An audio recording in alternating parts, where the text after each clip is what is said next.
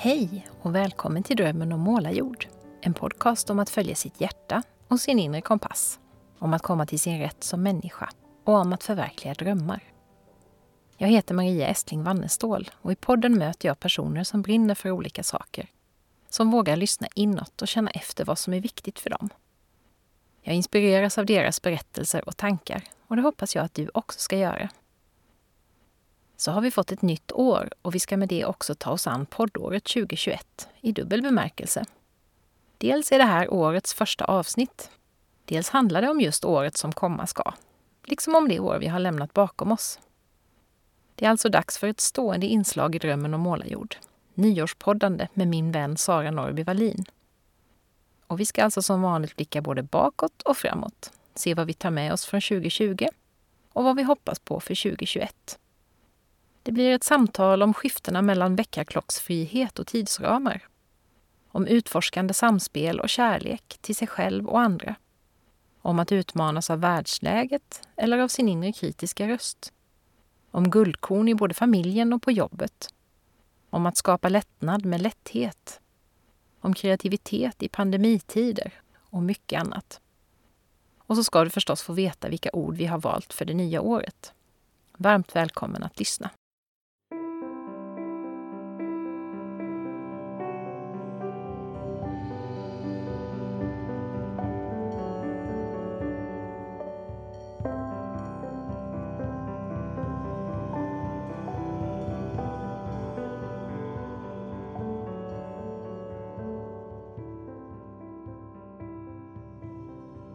Hej Sara!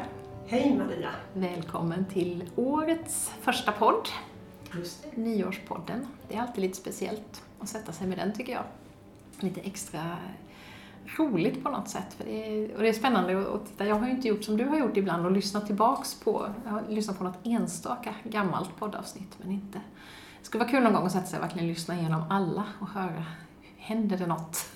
Med Ja, tänker på alla de, Alla de nyårspoddarna. och Mm. mig då, ja. ja, nej, men jag gjorde nog det här om år, inte förra året kanske, men någon gång lyssnade jag igenom alla. Mm. Det var jätteroligt. Mm. Nu, eh, men jag har lyssnat igenom förra året. Så jag Ja, har gjort det. är- Vad bra. det är en del av finesserna med att få vara med här, tycker Mm. jag. Att istället för att Ja, jag skriver ju och donar lite själv, men jag får ju liksom helt gratis bara någon som kommer och intervjuar mig om året och så får jag en uppdatering på var du var då också, så jag tycker det är väldigt Mm. Ja, vad bra. Ja, men det är bra att du har koll, för det, jag glömmer ju alltid det, så jag har ju inte lyssnat då. Och så är det väl lite så att jag vill inte säga precis samma sak som förra året. Ja, i år ska det här hända, som jag sa förra året skulle hända och som inte har hänt.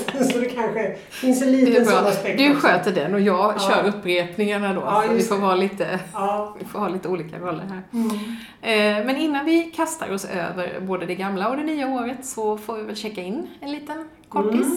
som vanligt. Var är du just precis idag?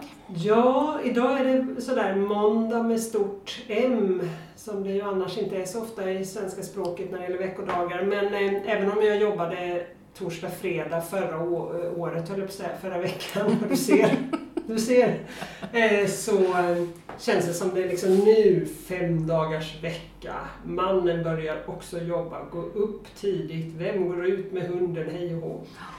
Eh, lite en sån dag. Så mycket sådär uppstagat så. Men ehm, det var bra, jag hade ett möte det första jag gjorde och jag tror jag behövde det för att få lite styrfart på mig och inspiration och så som det ju blir när man träffar någon eh, oftast. Så ehm, ja, men jag är ganska full av tillförsikt tycker jag och tycker att det här blir nog rätt okej det också. Men Mm. jag har verkligen haft, haft det skönt och känner mig också utvilad. Mm. Mm. Det har ju varit ett väldigt långt jullov i alla fall. För, du, nu har ju inte du barn i skolåldern längre, men för oss som har det så har det ju varit det, mest, det längsta jullovet någonsin. Oj. Tre och en Mm. halv veckor. Ja. Eh, Så att jag känner verkligen att jag har kommit ifrån, jag har, jag har jobbat lite, småjobbat lite sådär hela tiden som jag ofta gör för att jag Mm. tycker det är så kul, skriver lite på en bok eller poddar lite eller bloggar eller så men det här att kliva, ställa klockan och kliva upp tidigt tyckte jag var lite kämpigt Ja. idag. Och då har ändå inte barnen börjat än utan jag och Men skulle det kan vara nästan extra kämpigt då. Ja, är- de får ligga kvar en Ja. stund till och sådär. Eh, men sen är det ju sådär, när man väl bara är uppe och iväg så, så har man ju glömt det. Det tycker jag fascineras över det hela tiden, att det kan kännas när, man, klockan ringer som att jag kommer aldrig ta mig ur sängen och sen bara en timme senare så liksom, så är man i farten igen. Det, vi är lite märkliga, vi människor. Men jag hade, jag hade en väldigt skön söndagkväll. Jag har, eh, håller på och inreder ett nytt rum i vårt hus eftersom vår tonåring precis har flytt, 19-åring har flyttat ut. Så att jag har börjat att pyssla med ett rum som ska bli mitt eget rum. Eh, yoga, meditation, skriv, sovrum, ja, lite kombinerat arbetsrum och eh, mysrum sådär. Så jag höll på att pyssla med det sent igår kväll och sov där i natt för första gången mm. efter att ha yogat med massa tända ljus. Och det var så här bara, men det här har jag ju väntat på. Det här har jag längtat efter, att ha ett eget space. Och jag har inte riktigt haft det nu på ett tag, har jag känt. Så jag landade liksom in med en väldigt skön känsla igår och vaknade lite med den känslan också, trots att det då var lite för tidigt och jag inte hade sovit kanske så många timmar som jag borde och så. Så den känslan bär jag nog med mig lite in i den här första veckan, mm. tror jag. Så det känns ganska, men så lite, lite bomull runt hjärtat-känsla har jag just nu. Det det är trevligt, det får man njuta av, för den är ju inte alltid där. Nej, den kan slitas av ganska brutalt just i de här skiftena Precis. mellan Ja, men just det, det där, när, ja, och just det där när man ska, plötsligt ska anpassa sig efter andra, ja. liksom, när man, när man är van och kanske då eh, visserligen jobba, men kunna göra det när man vill, och det kan jag ju fortfarande större delen av tiden. Men det är ju det där, ska jag med in till stan så ska jag gå upp mm. tidigt för att min man börjar så tidigt och barnen börjar tidigt. Så. Så det får man lite bara hacka i sig. Mm. Om man nu ska ha kontor i stan, som vi ju har. Vi sitter ju i vårt samtalsrum idag. Som det ekar lite grann så är det för att det är ganska kalt. Ja. Det är inte så kallt inne hos oss på kontoret, men där finns å andra sidan inte så bra sitta två-möjligheter. Nej. Eh, men det får ni stå ut med, ni som lyssnar. Och då gör vi väl som vi brukar, att vi utgår från året som har varit och tittar lite tillbaks på det. Vad har vi tagit med oss därifrån? Vad var det för ord vi hade? Och har det påverkat oss på något vis? Och sen kikar vi lite framåt i någon slags spåkula eller vad det nu är för någonting. Mm. Känsla av vad vi vill, skulle vilja ha av året som kommer. Mm. Och ditt, alltså det, du hade ju så häftigt ord, för, du har alltid mycket häftigare ord än jag, tycker jag. Men, tycker ja, men nu har du haft ett ovanligt häftigt år, eller ord, det här mm. året. Precis, jag hade två, fast det egentligen är ett som har varit eh, det, det tydligaste. Jag hade utforskande samspel och tyckte ju då själv att det var lite torrt och akademiskt. Men, men det som framförallt haft betydelse är det här med utforska. Och det är alltså, för mig är det ett, eh, en symbol för något slags rätt så rejält skifte i perspektiv på väldigt många olika saker.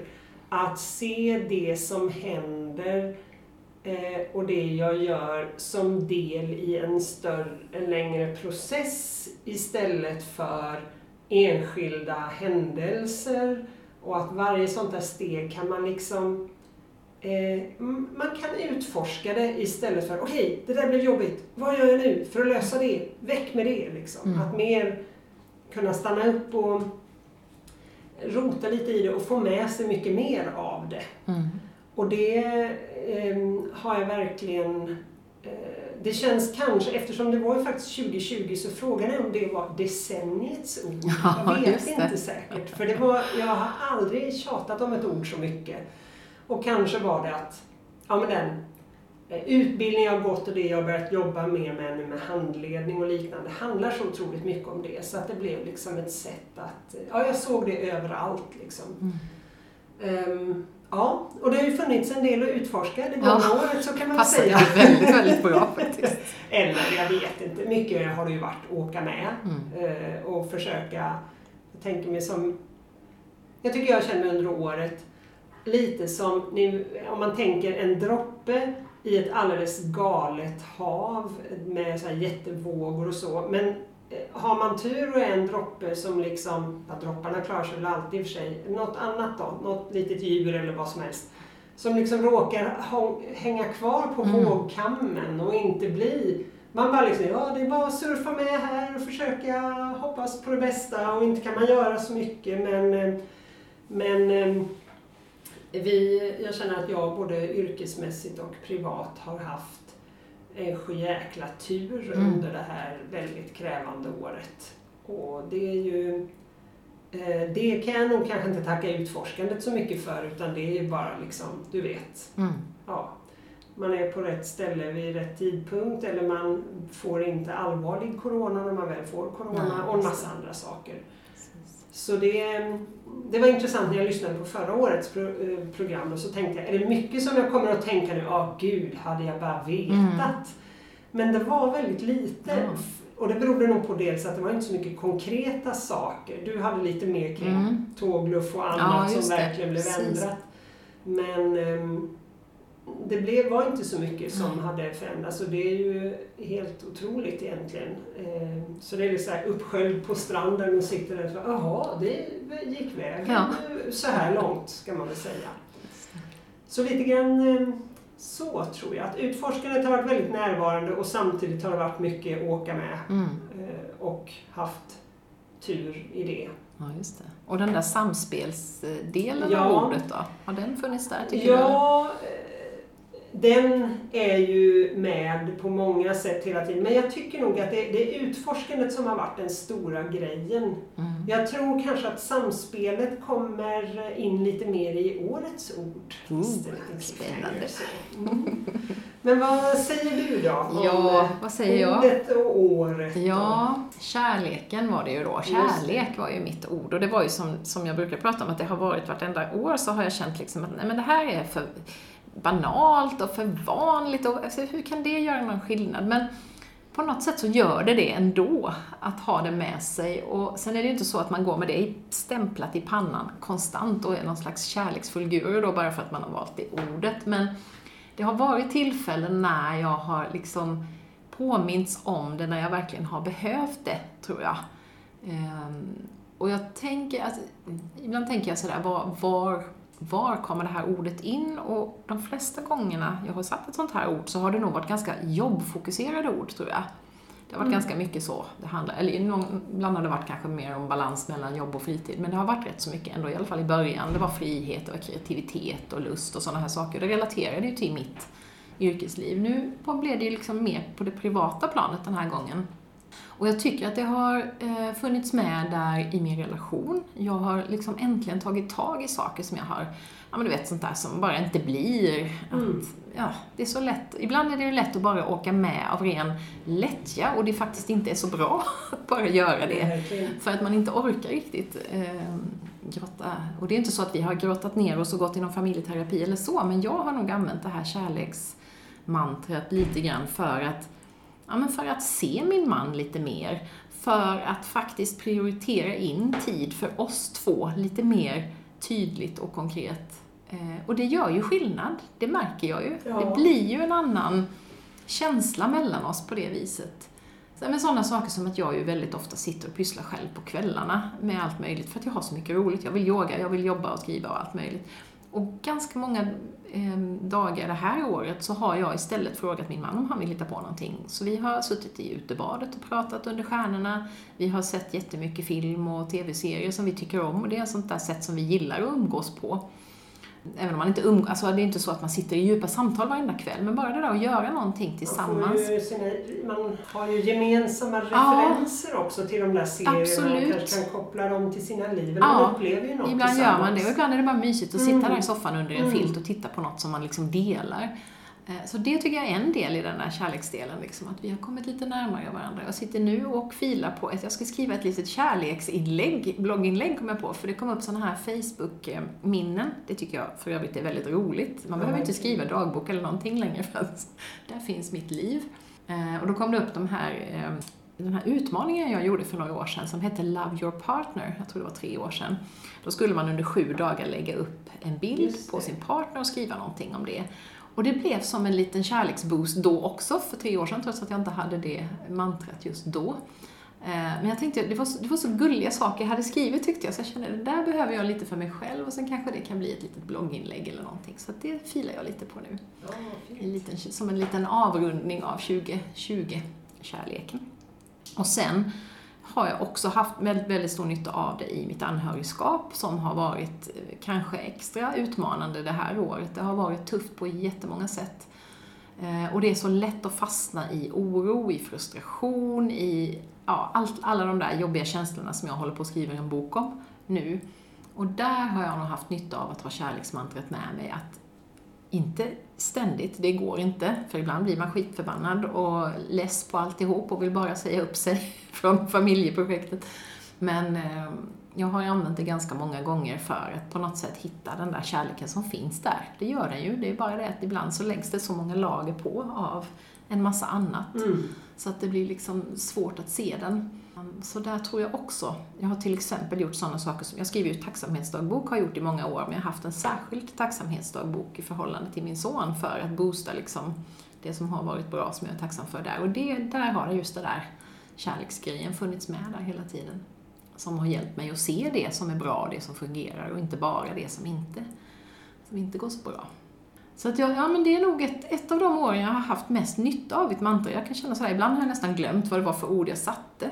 Men i år har det verkligen funnits med mig och lyst ganska starkt emellanåt. Jag tror också det här just att, menar, att vi har ju varit hemma mycket mer just för att det inte har blivit av saker som man skulle ha gjort och man har inte kunnat åka iväg så mycket, man har inte kunnat träffa så mycket andra, så det har varit väldigt mycket hemma, familjetid och då kan man ju bli dödsless på varandra. Men jag känner inte att jag har blivit det så värst mycket. Så att där tror jag också det här liksom, att se på de andra i familjen med mycket kärlek då. Ehm, Även en tråkig onsdagkväll. Liksom. Mm. Det har nog hjälpt mig. Har du, undrar jag då, kunnat haft nytta av det här ordet och kärleken i förhållande till dig själv? Ja, det måste jag säga. Det glömde jag. Det var bra att du sa det, för det har jag ju också glömt. Eller det har jag glömt. Det har jag verkligen. Jag har varit så jättesnäll mot mig själv i år. Jag har tagit mig tid att göra en massa bra mm. saker för mig själv, för min kropp um, och så. Det kommer jag nog in på sen också, tror jag. Men jo, jag har varit ganska snäll mot mig själv. Större, inte hela tiden, det kommer vi också in på, tror jag. Men eh, jo, men jag har fått lov att finnas. Mm. Eh, och ta plats och tid och sånt. Så att yes, jag tror att jag har haft en liten kärleksfull famn. Ja, härligt. Jo, men det är ju mycket det som det ordet det är ju den sidan på det också mm. och som, vi, som vi även nu då har en tendens att glömma bort. Ja, men det är så eh, himla vanligt, ja, visst. tycker att vi har eh, fått in det i våra liv och tankesätt ja. så mycket. Så, ja. Jag satt och skrev om det här om dagen i anhörigboken, just det där, en del om med, självmedkänsla och det här att vi har en tendens att vara mycket, mycket snällare mot andra än vi är mot oss själva. Och, ja, vi skulle lätt kunna se att en kompis har det för jobbigt och mm. skulle behöva ta hjälp, men vi kan inte själva se att vi skulle behöva den hjälpen till exempel. Så att eh, det behöver vi påminna oss om mm. hela tiden. Very good. Mm. Då så, ska vi eh, titta också lite på eh, annat som har hänt det här året. Lite utmaningar och eventuella lärdomar och guldkorn och sånt. Mm. Vilken ända vill du börja? Där då? Ja, jag har ju beskrivit att jag har haft ganska bra år, men om jag ska... Jag har inte funderat jättemycket, men på det jag har tyckt varit utmanande är kanske periodvis att hålla modet uppe. Mm. Det, generellt sett, inte för min del, utan för samhället och världen och då handlar det ju dels förstås om alla konsekvenser som pandemin och så får, eh, men också, ja nu har ju det verkligen kulminerat just nu i veckan då med eh, USAs avgående mm. president och allting kring det. Och det är ju för väl att han är avgående. Mm. Men, eh, men det är mycket sånt som jag, jag vet att det är ett tag som jag tänkt, är det nu det går käpprätt? Är det det här som kommer att beskrivas i historieböckerna som att det var då den här civilisationen inom citationstecken som vi har. Det var då proppen gick ur. Ja. Liksom. En galen president och som pandemi. Liksom. Ja. Eller jag ska inte säga att det allt handlar om en president men det är liksom de strömningarna mm. och ifrågasättandet av demokrati och allt möjligt. Så det är nog kanske det, den största utmaningen för mig. Att det periodvis har känts, nu, nu har det varit ett tag sedan, men periodvis känts rätt jättetungt. Mm. Liksom. Och det är ju verkligen inget konstigt. Men äh, ja. Um, och kanske har det smittat av sig lite grann in på jobbet också eh, så tillvida att jag liksom tyckt, jag har, jag har haft, det har löst sig jättebra med uppdrag och liknande vilket ju verkligen inte är någon självklarhet men lite att jag inte har riktigt kanske nöjt mig med det utan tyckt att det borde hänt ännu mer och så istället för att herregud, du ligger du håller dig flytande och ja. mer därtill. Vad gnäller du för liksom? Så. Mm, det är nog det jag kommer på som mm. utmaningar. Mm. Ja. ja. Vad säger du? Ja, alltså jag har ju varit förvånad och nästan lite skamfylld över att jag inte har påverkat så mycket av Nej, det som har hänt i det yttre det här året. Det, det är jättekonstigt och det har känts lite som att jag har jobbat så mycket med sådana saker tidigare. Det var klimatkrisen, det har varit andra saker liksom runt omkring integration och det här som jag var så involverad i ett tag. Så på något sätt var det som att, jag vet inte, det här är jag färdig med. Jag vet inte, det är jättekonstigt för jag har ju hört så många som har verkligen mått dåligt utan att det har hänt någonting egentligen i deras egna privata liv så har de mått så dåligt av allt som händer. Och det är klart att jag hamnar i de funderingarna som du var inne på också emellanåt. Men ändå förvånansvärt eh, distanserad. Och jag som är en sån känslomänniska också, jag har varit liksom så här, vad är det för fel på dig kvinna? Varför, varför känner du inte mer för detta? Men jag vet inte. Om det är att jag liksom har bearbetat klart lite grann det här med min relation till världen och mm. att eh, ja, jag försöker leva det liv jag lever så gott jag kan och sen gör, påverkar jag det jag kan men jag vet att det är så mycket där ute som jag inte kan påverka så att jag på något sätt skärmar av mig lite grann. Och det vet jag inte om det är bra eller dåligt, det får ju framtiden utvisa men jag har inte varit så påverkad av det så att mina utmaningar har nog snarare varit på det privata, ja, privata professionella planet då. Dels eh, det här med att jag inte har varit så snäll mot mig själv, för jag har ju drabbats av en del prestationsångest det här året som jag inte har känt av så mycket egentligen sedan jag hoppade av min akademiska karriär. Men den har poppat upp här med sitt fula gristryne eh, i höst bland annat. När jag, har gjort, ja, men jag har gjort lite nya saker, det har ju varit mycket digitalisering och så, och det har varit grejer som jag har hållit på med tidigare, men det har liksom ställts lite mer på sin spets, ställts lite högre krav. Um, och det, har, det gör ju en irriterad, eller mig gör det irriterad ibland när jag tycker att det här var jag färdig med, det här har jag jobbat så mycket med. Och så upptäcker jag att nej, det var du inte alls. Eh, och samtidigt så, så gör det mig ganska lättad att det är så knutet till specifika situationer. För jag känner ju många människor med mer generella ångest, eh, eller med mer generell ångestproblematik, där det är så luddigt och diffust och svårt att veta vad kommer det av, när ska det ta slut? Här har det varit så här, det har varit väldigt konkret relaterat till vissa uppdrag jag har haft, där jag har haft lite nya roller eller så. Och då har det varit så skönt, för så fort det har varit över så har det ju släppt också. Men samtidigt så har vi ju bland annat pratat om det och i vår lilla genizon som vi jobbar med det här, ska man behöva ha det så här? Ska, ska jag bara acceptera att det här dyker upp då och då? Och då var vi ganska eniga om att nej, men egentligen ska jag nog inte behöva ha det, för det har ju varit ganska sådär fysiskt påtagligt. Ehm, så nu har jag ju anmält mig för att gå i KBT här efter sommaren, det ska bli jättespännande. Ehm, för att jobba specifikt med prestationsångesten. Mm. Och jag har inte gått i terapi på 20 år. Men jag tyckte det var jättebra när jag gjorde det sist. Då var det psykoterapi och då var det mer det här gräva i barndom och så. Nu är det mer liksom framåtriktat. Och jag tycker att det är så bra att göra det trots att jag jobbar med sådana här saker.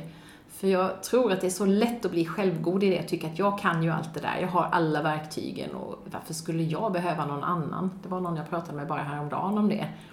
Som var lite såhär, ska jag verkligen söka hjälp liksom? Jo, men det är ju jättenyttigt för det mm. blir ändå en annans perspektiv och det blir någon utomstående som inte är insyltad i mig och mitt liv som kan se på det med nyktra ögon och, och så. Så det ser jag fram emot. Det ska bli jättespännande. Eh, och den andra stora utmaningen har ju varit anhörigskapet, där kommer vi ju in på det igen. Ehm, som just det här, just den där känslan av att inte veta riktigt om jag gör rätt, om, om jag stöttar på rätt sätt, om vi gör precis åt skogen fel, den där, den där gungande osäkerheten i föräldraskapet är nog det som har tärt mest på mig. Och frustrationen över saker som inte fungerar och vård som inte funkar och kallelser som tappas bort. Alltså såna, det har varit mycket sådana grejer som har stökat till det rätt ordentligt. Men eh, ja, det, jag hoppas att det ska bli bättre framöver och, och jag lär mig nog någonting av det också, tänker jag. För jag får ju hela tiden träna mig i försöka släppa och ha tillit och sådär. Eh, och det blir många sådana utmaningar liksom som, som, som jag får anledning att jobba med. Och då tänker jag att det finns ju ett lärande i allt, även om man då halkar tillbaka i sina gamla hjulspår ibland så, Så på något sätt så försöker jag ju tänka det som en spiral snarare än att det bara går runt och runt och runt och runt sådär. Utan att man ändå för varje gång man går igenom något tufft kanske tar sig en liten, liten bit Ja, att man förflyttar sig på något på sätt. något ändå. sätt. Vart det hamnar, det vet man inte. Och så tar Nej. man de där snedstegen i diket emellanåt. Men Mm. jag har ändå någon slags- tillförsikt om att jag inte bara ska halka tillbaka i precis samma. Det är väl det, utan att okej, det är samma men med en ny liten finess eller knorr på. Mm. Så, så så har nog mina utmaningar Mm. sett ut det här året. Vad säger du om guldkorn? Nu ska jag förresten vara eh, snäll mot mig själv och kärleksfull och Ja. böka lite med stolen här så att det sitter bra. Så. Lätt? Ja. Guldkornen det här året har nog varit väldigt, väldigt många. Och det tycker jag är intressant när det har varit ett sånt år som så många säger. Jag vet inte hur många som har sagt att det här året stryker vi ett streck över. Det här kan vi bara glömma. Det är en parentes. Ja, okej, på många sätt. Men jag har på många sätt också haft ett alldeles fantastiskt år. Med jättemycket guldkorn, så det var sådär, va, vad ska man välja? Men jag har ju till exempel blivit mormor. Mm. Bara en sån sak. Sen är det ju tråkigt att coronan kom så vi inte kunnat träffas så mycket som vi skulle ha gjort annars. De bor ju rätt långt borta så det hade inte kanske blivit jättemycket mer men jag tror ju att vi hade, jag hade åkt upp fler gånger om inte det hade varit som det hade varit. Eh, ett annat guldkorn var ju att min tonåring faktiskt klarade av gymnasiet för det trodde vi inte i början på året riktigt att det skulle gå vägen. Det var ganska, såg ganska mörkt ut men där kom coronan och underlättade så att jag jobbade hemma mycket och kunde stötta upp och ja, han fick det lite lugnare när han kunde jobba hemifrån och så. Så det var också ett guldkorn att det gick vägen. Eh, och sen har jag fått nya roliga uppdrag det här året, som, som liksom, när det bara kommer saker som man inte alls har väntat sig. Eh, så jag har blivit skribent för Kyrkans Tidning till exempel, och det har varit jätteroligt och är. Eh, få skriva artiklar om spännande ämnen som jag inte eh, hade på kartan. Liksom. Det, är inget, det är inget sånt jobb jag skulle ha letat efter eller uppdrag, utan det bara trillade in. Och det tycker jag är guldkorn när saker, när det öppnar sig dörrar utan att man har, man egentligen har liksom letat efter dem sådär. Eh, vad har hänt mer? Jo, men jag har ju också, jo, på tal om det där med, med kärlek till sig själv, så har jag faktiskt tagit hand om mig mycket bättre. Så jag har fått ordning på min eländiga artroshöft, som jag inte ens visste var en artroshöft. Jag har bara haft besvär av den i så många år med jämna mellanrum. Och nu har jag fått hjälp eh, och kommit igång och liksom kan träna igen och sådär. Och det, det märker jag ju att jag mår så mycket bättre av. Så att det känns jättebra. Och i kombination med det har jag också kommit igång och yoga mycket mer än jag brukar göra. Så det gör jag nästan varje dag nu. Och det har tagit så många år att komma dit. För jag har nog velat göra det mycket mer regelbundet länge. Mm. Men, eh, nej, men det finns ju alltid något annat som liksom pockar på uppmärksamheten och sådär. Nu har det prioriterat in sig själv. Och nu blir det ännu lättare med det här rummet som jag kan yoga i så jag inte behöver heller rulla ut yogamattan där det sitter folk eller där jag är i vägen för någon behöver gå igenom rummet eller så. Då kan jag stänga till om mig och pyssla. Eh, Så det där med kroppen. Och sen precis nu på slutet här då så har jag ju också börjat vinterbada. Så det Just det. ett väldigt sent guldkorn. Jag gjorde väl det första gången när det var tre dagar kvar på året eller något sånt där. Eh, Men nu har jag ropat hela mig. Igår simmade jag för första gången utan vantar. Och jag känner att jag blir frisk och stark och nej, det är någon, det är ju den där endorfinkicken som, som ändå är så god att få. Så att, nej, många, många små och stora guldkorn tycker jag nog att det har Mm. funnits. Hur har det varit för dig där? Jo, det är ju lite en viktig grej. Eh, som jag pratade om förra året konstaterade jag det här att eh, jag har ju lite, eh, ja, jag har ju barn som är i flytta ut-åldern. Och eh, det gjorde ju, den ena var iväg och jobbade och så, men sen blev de ju väldigt hem, hembundna båda två. Den ena avslutade ju gymnasiet också på hemmaplan. Och den andra blev hemskickad från sitt eh, säsongsjobb i Norge. Och eh, det var ju tufft för dem förstås. Och hur skulle det bli med student och hej och. Eh, och, men det var fantastiskt skönt att känna att vi kunde, vi kunde vara till nytta. Eh, det funkade bra att ha dem boende hemma liksom. Mm. Och att det blir lite nästan på något sätt otillåtet. Men jag, jag, det var supermysigt helt enkelt. Mm.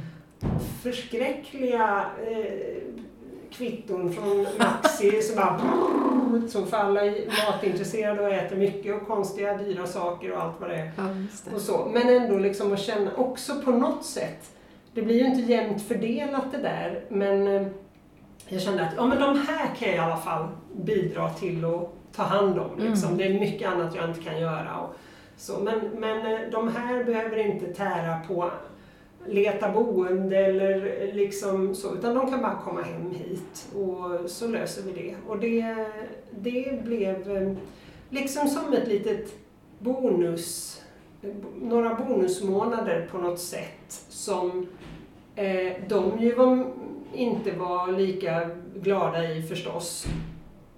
Och det, av någon anledning är det viktigt för mig att det inte ska låta som att jag verkligen skulle vilja ha dem hemma för all framtid och så, utan inte alls. Men, men det, det, har varit, det har varit en positiv grej i det. Mm. Och man har gjort sådana där små saker, ni vet som alla håller på med nu, stuckit iväg och grillat och, och så. Och de har inte haft så mycket annat för sig så de har ju hängt med på en hel del saker. Så det, det är en grej eh, som är ett guldkorn. Och också att det som har varit jobbigt för dem har vi känt att vi har kunnat hjälpa till med, inte bara med det här praktiska utan det har, det har varit annat också som inte har varit coronarelaterat eller så, som Mm. har varit tufft och som vi har på något sätt kunnat hjälpas åt med.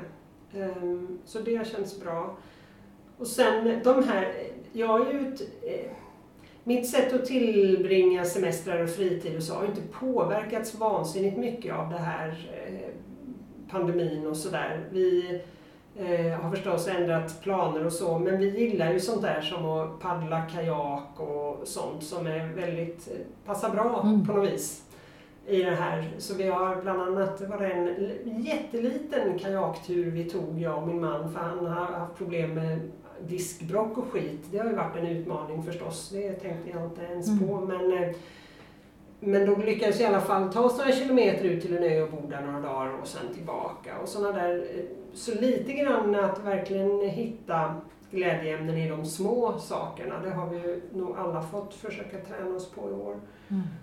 Och uppdragsmässigt så kan det också vara så ibland att man kan, det kan hända saker tack vare eh, något eländigt. Till exempel att organisationer behöver hjälp på kommunikationsområdet. Så jag fick möjlighet att gå in och stötta upp. Och eh, det var inte bara att jag fick det utan också hur det funkade där med en väldigt tillitsfull, framförallt chef då, som liksom lät mig komma in och kolla in, okej det är så här ni jobbar, det är det här ni gör. Och så skrev jag ett mail till henne, inte på hennes uppmaning men ändå så här, ja, det här, det här går jag igång på, det här, det här har jag erfarenhet av, det här, det här skulle vara kul att jobba med. Eh, och så fick jag jobba typ med det. Och ehm, det tycker jag är ett så det gör mig glad både för min egen skull men också härligt att få se att det finns Ja, organisationer och verkligen. chefer som har den tilliten, inte bara till sina egna anställda utan till en extern konsult som kommer in och att vi kunde etablera det. Och det där kan vi snacka samspel. Mm. Så.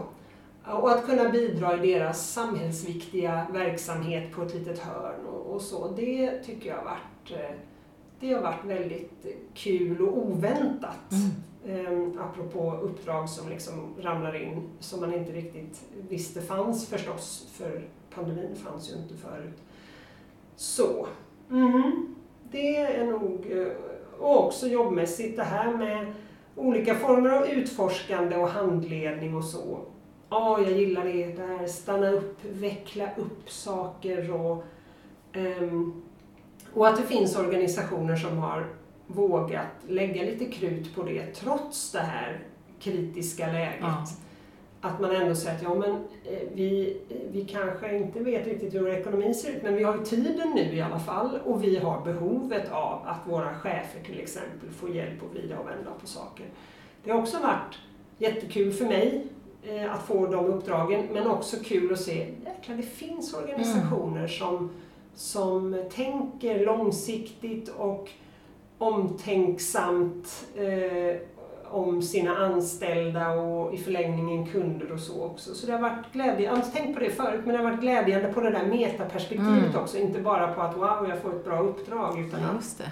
Det faktiskt det finns här, ett eh, bra det, tänk. Ja, det är goda exempel. Mm. Ja, men det är lite som Framtidsdagen som du Mm. har roddat ett antal år också. Just det där att dit kommer man ju och så får man veta hur mycket det är som faktiskt pågår. Det, det handlar ju om hållbarhet och sådär men att det är så mycket som man inte känner till och som gör att man då kanske inte har den där tilliten till positiv förändring och så. Därför att man vet inte. Så det där att, att som du gör när du kommer till ett företag, då får du säga oj, aha, de jobbar med det här, gud vad bra. Ja.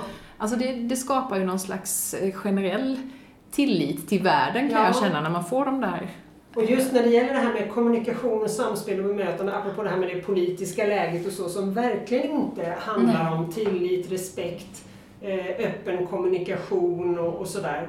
Så tänker jag att det är ju som att det har blivit en gräsrotsrörelse nu Mm. på något vis. Att där fattar man att vi måste involvera folk, vi måste inkludera, vi måste visa tillit till våra anställda och så. Och eh, hoppas att det liksom underifrån ska kunna eh, mota undan de tendenser som Mm. finns åt ett annat håll. Mm. Och då är det ju kanske mer livskraftigt när det kommer underifrån. Sen finns det klart underifrån ställen som inte alls tänker och jobbar så. Men jag blir glad av Mm. att se att de finns. Precis, för varje gång man stärker det så stärker man ju sin Ja. egen drivkraft att fortsätta Ja. jobba med bra saker.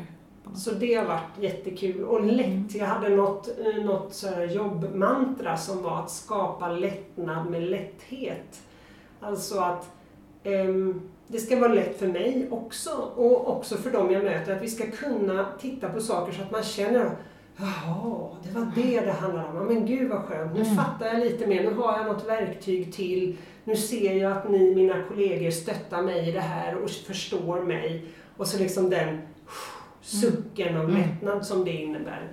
Det är liksom min lilla... Det är det jag vill vara med och åstadkomma i arbetslivet. Och det har jag fått göra en del i år. Mitt i all denna Mitt i allt. snurr. Ja, visst. Mm. Ja, men det är det är häftigt. Och det är ju just det där tycker jag också, att lyfta det. Att jag har, för jag har hört ganska många som har pratat om det här, att det har varit jobbigt, men de har själva tyckt att mycket har varit positivt också. Mm. Eh, och det pratas ju inte så mycket om det, för det är lätt att när, när det blir en sån här stor global sak så fastnar man ju väldigt mycket i allt som inte fungerar och som går dåligt och, och så. Men att det är många som också har pratat om att de har fått mer utrymme, mer tid, Absolut. mer, mer umgänge med familjen och nära kära. Och just det här som jag tycker har varit ett guldkorn också, det är ju den här kreativiteten som har varit så häftig. Du var inne lite på det, det här med att man Alltså det är ganska lätt för oss som inte, ja men vi, vi gör ganska mycket saker liksom i vår närvaro, men det har ju verkligen exploderat med alla dessa lägereldar som folk Ja. letar upp nu i skogen så det nästan är kö till dem ibland. Alltså vi jagade, vi firade nyår tillsammans Ja, och, och vi jagade runt där på en ö här i Växjötrakten för att hitta, så hittade vi till slut ett eget ställe där vi kunde göra upp eld och där ju då eh, gästerna kom med olika idéer om Mm. utomhusaktiviteter så att vi inte skulle frysa rumpan av oss och sådär. Så det blir ju en det är mycket så, ett antal födelsedagar och högtider och så det här, det här gångna året som, Mm. kommer, som man kommer att minnas mycket längre än alla de Säkert, andra som man har ja. gjort vanligt. Ja. Men då är det också så, då tillhör vi de privilegierade som Mm. liksom inte behöver vända på varenda slant och inte liksom fått benen undanslagna Nej, för nej, oss. verkligen. För det, det, Så är det ju. Så är det ju. Så vi har, vi har klarat oss väldigt bra i Mm. det här. Men, men det är roligt att se den där kreativiteten Ja. tycker jag. Och just det här människor som kanske inte har varit ute i skog och mark innan överhuvudtaget nästan och som plötsligt är det. Jag ser Mm. det på Facebook och tänker, va? Oj! Eller de som har varit ute i skog och mark men aldrig har varit digitala Nej, förut. just Nu det, ska för det är de den andra grejen. håll, Ja, liksom. ja, visst. Ut i skogen och koppla upp sig och varför inte samtidigt? Ja, ja. Eller på samma fest eller så. Ja, Mm. nej, men det är jättehäftigt. Och där har ju vi till exempel fått med svärmor, så att, ja, det har ju ni också haft Just mycket det. så här digitala fikor och matstunder tillsammans. Mm. Så det är ju sånt där som, alltså vi umgås ju mer med henne nu. Nu har vi inte kunnat träffas sen, på riktigt sen, ja, en kortis i somras och så, men, men annars i februari. Men vi har ju pratat med varandra mycket mer det här Ja. året än vi brukar annars. För att vi har vår stående tid på söndagskvällarna. Eh, Så att, mm, mycket sånt gott har kommit ur detta också. Är det något mer vi behöver, liksom, behöver, eh, ska vi säga hej då till något? Är det något vi vill släppa taget om eller är vi nöjda med 2020 som det blev ändå? Ja, det är inte så mycket... Kan vi lämna det därhän? idé med något annat. eh, nej men det får nog... Eh, det kommer, kommer ju förstås att vara ett år som finns med Ja. oss på många olika sätt. Det finns ett före, ett efter och det finns ett under Ja. som man kommer att prata mycket om. Mm. Eh, Så det blir ju väldigt intressant att se hur vi ser tillbaka på det här om tre, fyra år Mm. när vi kanske i bästa fall har något slags nytt normalt och, och ser vart det här har fört oss. Eh, Så på det viset är det ett år att hålla, som kommer att hänga kvar lite Mm. längre. Det gör det ju. Men för min egen del så känns det nog som att det är ganska klart. Mm. Då knyter vi säcken. Mm. Så, och så säger vi hej 2021 och välkommen in Mm. i våra liv. Och du har tänkt ut ett nytt ord. Ja. 2021, vad blir det då? Eh, Det här är andra gången som jag bestämmer mig för ett först och sen byter. Eh, Och det är alltid lite läskigt sådär. Eh, Får man göra så? Men det, får man ju eftersom man bestämmer själv. ja, det är klart man får. Men eh, jag tänker mig att det är, som jag sa, fortsättning på det där med samspelet. Det är någonting med att ehm, jag behöver... eh, Du nämnde det här att du tänker, eller har ansökt om eller anmält dig till eh, terapi. Och jag kan känna att jag behöver och vill också kika mera inåt. Mm. Och det handlar om flera olika saker. Det handlar om sådana där skav som kommer tillbaka och hänger i. Och ja, lite åt prestationsångesthållet ibland men också att det, det är nog dags när det gäller mitt jobb, företaget, att se över okej, nu får vi ta en lite ny kompassriktning här lite mer ordentligt. Men också för mig, eh, lite samma för mig tror jag, att göra Mm. det. Och eh, eh, ja, och då hade jag, var jag först inne på ordet kontakt, för det kändes som att det ehm, Ja, det strävar jag ju väldigt ofta efter på väldigt många håll, men kanske framförallt inåt och lite någon slags uppåt, någon menings, meningsbrist tror jag jag pratade om förra gången, att jag var lite rädd att jag skulle hamna i det när, när barn flyttar Mm. och det blir liksom lite glesare omkring en så. Så det är någonting i det. Men så tyckte jag, jag tyckte kontakt, jag kollade vad det betydde och allting, men det är ett bra ord. Men det väcker ju inga, jag tänker på elkontakter och sånt. Så det fick bli möta istället. Ah, Möta, eh, att möta kanske jobbiga känslor på ett ännu mer utforskande sätt, för att återknyta till förra året.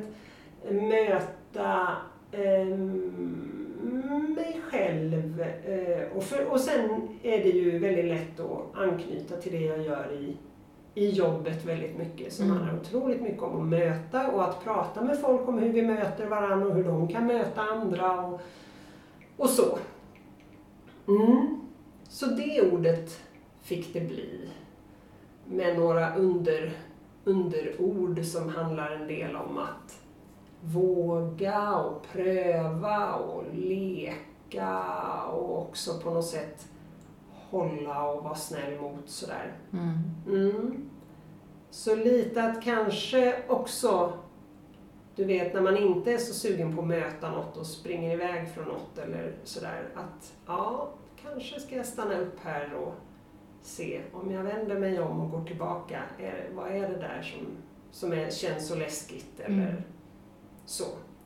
Jag fick precis ett meddelande om en, en, en person i min närhet som eh, har eh, utmaningar när det gäller att hitta jobb som behövs för att få stanna i Sverige och massa sådana frågor. Och jag kände, jag bara, åh nej, jag, jag orkar inte eh, ta i det, vilket ju är väldigt egoistiskt på något sätt. Liksom någon som är i kris och så tycker jag det är jobbigt att ens läsa om.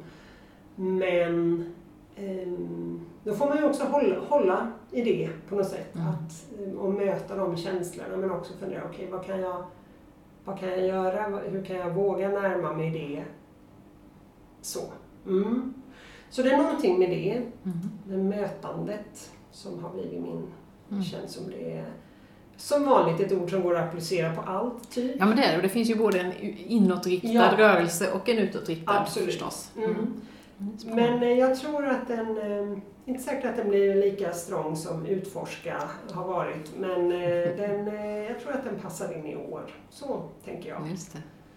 Hur går dina tankar? Ja, jag tänkte bara att det är också lite med de här orden att de, man kan ju se dem lite som årsringar också. Så att Mm. de, liksom, de bygger på varandra och så för varje gång så får man ett nytt litet ord, mantra, verktyg. Så att det inte är så att man släpper det bara för Nej. att året har gått utan att man tar med sig det. Jag hade ju kärna, hörde jag, året Mm. innan dess. Och det är ju det är ju inte allra längst in bland årsringarna eftersom vi har gjort det här ett tag. Men det känns ju som något som man verkligen kan bygga på. Ja, ja Mm. verkligen.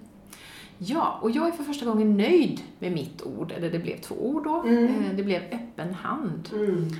Och både du och jag har ju läst Björn, jag vet inte om du har läst färdigt den Jo också? Mm, Björn Lindeblad, Nattiko Lindeblads bok eh, som heter Jag kan ha fel och vi har ju varit, vi har ju gillat honom länge du och jag. Vi har lyssnat på hans sommarprat för många år sedan och vi har varit och lyssnat på honom, du flera gånger, jag en, Mm. IRL och ja, har, det finns ju liksom intervjuer och poddar och allt möjligt. Eh, och nu läste jag boken, jag läste den precis som jag tror du gjorde, långsamt för vi känner nog båda två att här vill man suga på varje sida lite grann. Det finns så mycket, mycket fint att ta med sig. Men det jag tog med mig allra mest från den boken, det var när han beskrev det här med den knutna handen som Mm. öppnas när vi vågar ha någon typ av tillit och omfamna. Jag har ju pratat om att omfamna osäkerheten, det här embrace uncertainty har jag haft med mig någonstans eh, i många år. Men det blev så tydligt med den bilden, den metaforen, att bara öppna händerna. Och jag har liksom fört med mig det här in rent fysiskt så att jag faktiskt när jag mediterar numera gör det, försöker göra det med öppna händer istället med, för med ja, slutna eller nedåtvända händer sådär. Mm. Eh, och det blir en annan känsla. Det är som att, att bjuda in någonting. Och för mig så har det flera olika underbetydelser, precis som du sa att du hade också lite ord som liksom knyter an till det här. Så det ena handlar om att öppna handen och släppa taget, precis som han var inne på där. Eh, Att på något sätt ha tillit till att det jag behöver, det kommer. Jag kan ändå inte styra över allting, jag kan styra över vissa saker. Och han gillar ju också det här citatet som vi brukar prata om, eh, lita på Allah men bind din kamel. Just det. Den, den är också himla fiffig, att det är ju inte bara att släppa taget om allt sådär, utan självklart behöver vi också planera och ha kontroll över vissa grejer och så. Men att ännu mer våga lita på att, att saker blir som de ska. Och det här är ju återigen, knyter an till anhörigskapet till exempel, för nu har ju min son flyttat hemifrån och det är ju läskigt för många, samtidigt som det är häftigt och eh, extra utmanande när man inte, ja, när man inte mår jättebra och sådär. Har svårt för vissa grejer. Så där, där känner jag att där får jag in det. Jag får in det i min egen värld. Det här med prestationsångesten till exempel, att försöka släppa taget om den. Eh, Så den aspekten, att släppa någonting, öppna och släppa ut. Jag skrev när min son flyttade ut nu att jag försöker liksom tänka att jag öppnar handen och släpper taget om en fjäril Mm. som flyger iväg. Det tycker jag är en fin bild att eh, tänka så. Men den öppna handen innebär ju också att kunna bjuda in. För en stängd hand kan ju inte bjuda in någonting. Men en öppen hand, där kan det landa. Ja, Fåglar och fjärilar och ta emot. Mm. Ja, precis. Eh, Så det får jag, får jag in i samma, därför, det är därför jag Mm. gillar det här ordet så mycket, för att det, Mm. det finns, precis som du har en dubbelriktad, eh, det här möta, det kan man göra både inåt och utåt, så har den öppna handen både att släppa ifrån sig någonting och att ta emot Mm. någonting. Och där tänker jag då, där tar jag med mig kärleksmantret från förra året igen. Kärlek och glädje. Jag kände det också, jag, vill, jag tror att du sa det någon gång, jag vill skratta mer. Ja, det var väl att jag tyckte att de här digitala mötena Ja, det inte alltid bjuder till det. det. Så. Eh, mm. Ja, och det har jag hört flera som har sagt det också. Jag vill ha in mer skratt liksom i livet. Lite, ja men lätthet var du inne på också. Mm. Det här lite mer kärleksfulla, glada, lätta. För det har varit ganska tungt i ganska många år på det privata planet då med, med anhörigskapet och så. Så lite mer av det där ah, pirrande, glädjefyllda. Och i det också, eh, där tänker jag på ditt utforskande, för jag känner också det här med nyfikenheten och ja men vinterbadet nu håller jag på att utforska och jag gör det på mitt sätt och eh, testar och, och lite så. Ha, den, ha med mig den nyfikenheten och, och våga prova nya saker. Och i det finns också någon slags nyfikenhet på den här magiska delen av mig som jag tycker så mycket, som jag så jag tilltalas av det här. Det handlar ju också lite om tillit och det här och lita på någonting större och så, men, men att få in den mer i livet, att öppna handen mer för magin i livet. Jag kände det så tydligt nu igår när jag höll på att pyssla i mitt rum och jag tände mina ljus och jag plockade dit mina drömfångare och allt som har hängt på ett annat ställe men där jag liksom inte fått till den känslan. nu, nu är det läge att bjuda in det där, den sidan av mig lite mer med meditera ännu mer. Eh, ja, men på ett sätt så det känns så det känns betydelsefullt. Jag tror det. Jag har mediterat lite slarvigt sådär, känt lite i sängen sådär en stund då och då. Men jag känner jag vill sätta mig på min kudde ibland och tända ett ljus och göra, göra det lite mer som en, ja, men en liten ritual kanske. Mm. Så sånt vill jag bjuda in med de här öppna händerna, eller den öppna handen också. Och så tror jag att jag kommer läsa om den här boken ganska snart igen. Det gör jag nästan aldrig. Det är väldigt få böcker i mitt liv som jag har läst mer än en gång. Det är nog Den vidunderliga kärlekens historia som vi läste i bokcirkeln och då läste jag om den. Och sen är det en bok som heter Budskap från andra sidan som du också har läst som handlar om en läkare som vandrar med aboriginer i Australien. Den läste jag också om sådär snabbt efter liksom. Och det kände jag med den att mm, det här vill jag, jag vill begrunda, jag vill um, vrida och vända, kanske blogga om för att fördjupa, ta med det som samtalsteman till våra cirklar och så. Um, så det får bli en del i det där nyfiket utforskande som den öppna handen kan ge upphov till, kanske. Mm. Jag tycker det är jättebra. Fina ord, mm. de hade jag varit... Det, det, är inte så att jag känner att hade jag velat ha just nu, men de, eh, ja, de, det är lätt att känna känslan av mm. det. Det finns en känsla i den bilden. Mm. Eh, med den öppna handen. Ja. Mm. Och det är ju roligt också för vi samlar ju på som en liten verktygslåda. Dels för oss själva men sen kan vi också låna varandras ord där och det är också ganska mm. häftigt. Så hur tänker du? Har du några sådär eh, tankar, planer, visioner mer för det här förutom att möta dig själv och andra det här året? Mm. Finns det sånt du vill göra? Sen vet man aldrig vad som Nej, händer och vad som går att göra. Vad jag tänker är eh, mm. eh, jobbmässigt, så för också när jag lyssnade på förra året, då handlade det väldigt mycket om att bära ut sopor. Mm. Det var mm. nämligen så att jag hade haft, det var min tanke att nu har jag haft liksom den passionerade förälskelsen med mitt arbete och nu har vi liksom flyttat ihop, nu är det dags att reda ut vem som ska bära ut soporna och när och vad vi ska ha för rutiner. Så det har jag jobbat med ganska mycket året som har gått och det har varit bra. Och nu tror jag att vi, jag och jobbet behöver visionera lite tillsammans igen. Kanske möta framtiden eller något och våga lite där och dona med hemsida, fixa om, ja, skapa en tydligare linje. Eh, och då, så jag tänker att just nu, jag tänker inte, eh, för jag har nog gjort det lite för mycket som jag sa någon gång. Jag tänker inte fundera så mycket på hur det går med uppdrag hit och dit utan det är, nu får det, det är inte det primära mm. just nu.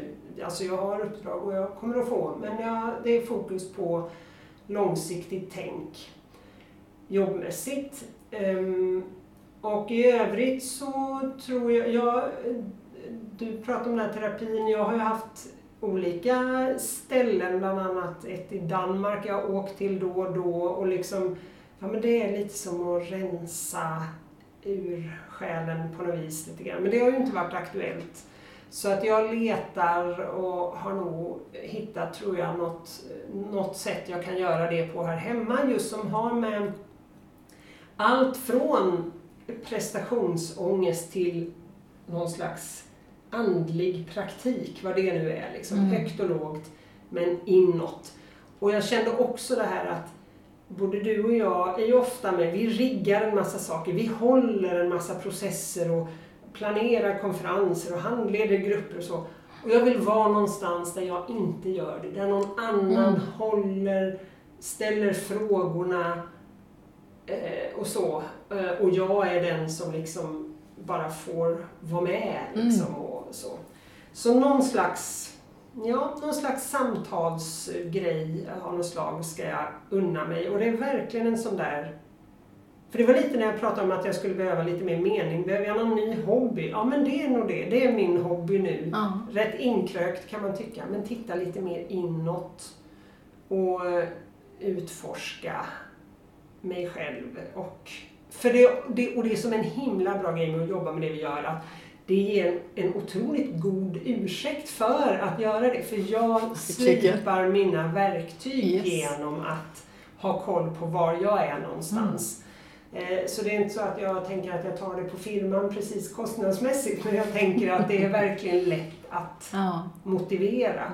Ehm, och tvärtom är det också så att det nästan borde vara en beskattningsbar förmån att få alla de här personliga erfarenheterna och utvecklingen som man får när man jobbar med sånt som vi gör, att möta grupper och hjälpa människor att utvecklas och så vidare.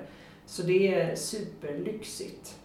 Så det är väl det jag eh, tänker på. När det gäller annat, alltså semestrar och hej och hå. Ja, men eh, jag och min man jobbar på. Nu, vi tycker det är supermysigt att vara barnfria. Nu är vi Mm. barnfria då eh, ett antal månader och det är, det är jättemysigt. Jag har tänkt att lagom tills vi kanske nyhetens behag börjar gå över med det så kommer det kanske vara så att man kan börja umgås lite mer med människor igen och ha gäster hemma och sånt. Mm. Så att jag tror det blir en jättebra tillvänjningsperiod. Eh, och resor och sånt känns liksom, äh, det får bli som det blir.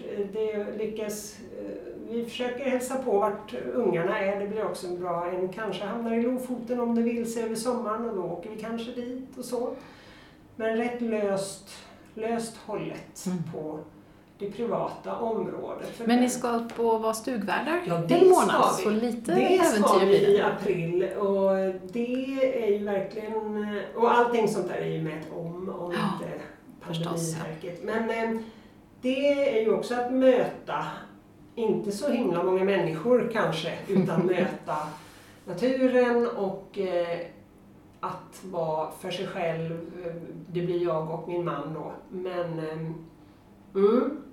Men det är också en sån sak, jag fyller inte det med så mycket förväntningar utan jag bara, ja, det, det är en, ett utrymme där och vad det kommer att fyllas med om det blir att jag kommer att sitta där och meditera hela tiden och Per får hämta all ved och sånt, det vet jag inte. Eller om vi är ute och skidar eller om det, ja, vad som händer där. Det bryr jag mig inte så mycket om. Men ehm, det, det är en sån färdig bubbla som det bara är Ja, att kliva bubbel, in i. bubbelbilden Ja. gillar ju både du och jag, Ja, kliva in i verkligen. den där bubblan. Ja. Så det är nog lite, det var bra att du sa det. För det Mm. ju, och du har ju också en, förhoppningsvis en resplan Ja, och säkert en del annat. vi får väl se om det blir någon resa. Vi fick ju ställa in vår tågluff då naturligtvis och vi vet ju inte. Nej. Och i mars måste vi ta beslut för då måste vi köpa sittplatsbiljetter så vi hoppas ju att någon ska veta någonting om framtiden då. Och gör man inte det så får vi väl skippa det i år och åka nästa år i så Mm. fall så att vi är mer säkra. Eh, så det ska bli roligt. Det är med lite sådär eh, blandade känslor för jag har inte varit ute och rest på så länge nu så att det är också lite sådär, ja men det är ju jobbigt, det är väldigt skönt att vara hemma. Så jag var inte jätteledsen att det inte blev något i år. Men, men jag hoppas att det blir av för det skulle ändå vara kul att, att passa på också innan eh, hon som fyllde 16 häromdagen liksom inte vill hänga med oss längre. Eh, och sen har jag ju min skrivbubbla på Öland som jag hoppas kunna kliva in i där i maj och den här gången tänker jag göra det en hel vecka. Det har jag aldrig gjort tidigare, men nu har jag märkt att alltså jag behövs inte hemma så himla mycket. Den lille, han har sagt flera gånger, åh vad det var mysigt när ni var borta allihop, det bara var pappa och jag hemma. Så, så jag tänkte jag, ja då, då ska du få det här en hel vecka nu då. Så, så det ska jag se fram emot i maj och det gör jag ju oavsett, för jag åker ju liksom, jag behöver inte dra ihop något stort gäng utan man kan åka väldigt få sådär också. Eh, vad ser jag fram emot annars? Ja, men jag vill ju bli klar med den här boken jag håller på och skriver. Det är väl min största plan för det här året och där visionerar jag om att den ska verkligen nå ut på bred front. Det hoppas jag på jättemycket. Det, har jag, det är nog första gången jag verkligen känner att den här vill jag få ut i väldigt, väldigt, väldigt många. Mm. För att jag tror att den kan göra skillnad på något sätt för de anhöriga som läser, men jag hoppas också att man ska använda den, eh, ja men kanske i vårdutbildningar eller att den ska bli lite inlägg i debatten till och med. För att jag eh, lyfter ju ganska mycket som är lite dåligt fungerande i vårt samhälle. Mm. Eh, Så att jag hoppas, jag hoppas att jag inte biter över ett för stort eh, gap här nu och så blir det pannkaka utan att det faktiskt är någonting som kan gå hem på flera olika håll. Så det hoppas jag, att jag ska få komma ut och prata mycket om den och, så.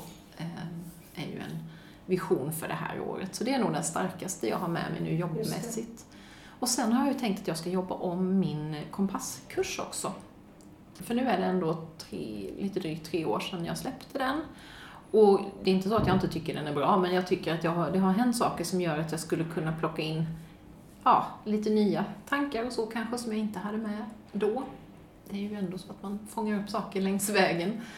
Så det vill jag göra och kanske ännu tydligare knyta den till mitt mentorskap, för det är ju en rolig sak som har skett det här året också, att jag har fått lite nya mentorsuppdrag och känner att jag funkar bra i den rollen. Och just det här att kunna gå en kurs och prata om det som händer i kursen med någon, det känner jag att jag kan erbjuda med det, så det skulle jag vilja utveckla ännu mer och jobba mer med. Så. Och sen är det ju väldigt, väldigt, det glömde jag ta med bland guldkornen, men ett av mina största guldkorn jobbmässigt, det är ju att jag har liksom fått in så mycket glädje i poddandet igen. Den här hösten blir ju den roligaste poddhösten, det kunde man ju inte tro i detta konstiga läge, men ja, jag hittade liksom tillbaks till kärleken till podden och trots att jag då ett tag i våras var inne på att jag kanske skulle lägga ner den, så har jag istället kört igång med full kraft och kört en julkalender med 24 inspelade tankefrön och sådär. Så det hoppas jag att jag ska kunna fortsätta känna den känslan att ja, men jag gör ju det här för min egen skull, då gör jag det på mitt sätt. Och sen om det är någon som lyssnar, fine. Men jag sitter inte och försöker tänka ut vad folk vill ha, utan jag försöker bjuda på det som jag tycker är roligt och viktigt och så hoppas man att det är någon som också tycker det. Mm. Så det är väl min vision också, att, att liksom kunna fortsätta med den och, och hålla igång det arbetet. Mm. Tror jag. Ja, jag tror verkligen den där boken alltså. Den, ja. den, den tror jag på. Ja, vi får hoppas på det. Ja, då ska vi väl runda av det här lilla nyårs poddavsnittet. Mm. Tänk om vi sitter, tror du vi sitter här om 20 år och poddar fortfarande? Skulle vara ja, det, det, är ju kul eh, som sagt att ha den här eh, vi får väl göra, om, vi, om jag nu lägger ner podden får vi väl spela in sådana här, ja. bara för vår egen skull. Du spelade ju in sådana här sommarprat för länge sedan vet jag. Precis, som aldrig liksom sändes någonstans Nej. utan som musik och prat som, som om jag vore sommarpratare. Ja, men det tycker jag mm. absolut. Mm. Vi, får väl, vi får väl, kan väl ha kvar podden och så kommer det ett avsnitt om året. Ja, precis. Det låter bra. Tack mm. snälla Sara för att du ville vara med i år igen. Tack för den här möjligheten. Jag tycker det är jättevärdefullt. Och vi kan väl skicka med att det här kan man ju göra med eller utan mikrofon. Helt ja, enkelt verkligen. sätta sig tillsammans med någon som man känner sig trygg med och lite grann prata igenom året som har gått och det som ska komma. Om man tror att det är någonting som kan vara användbart.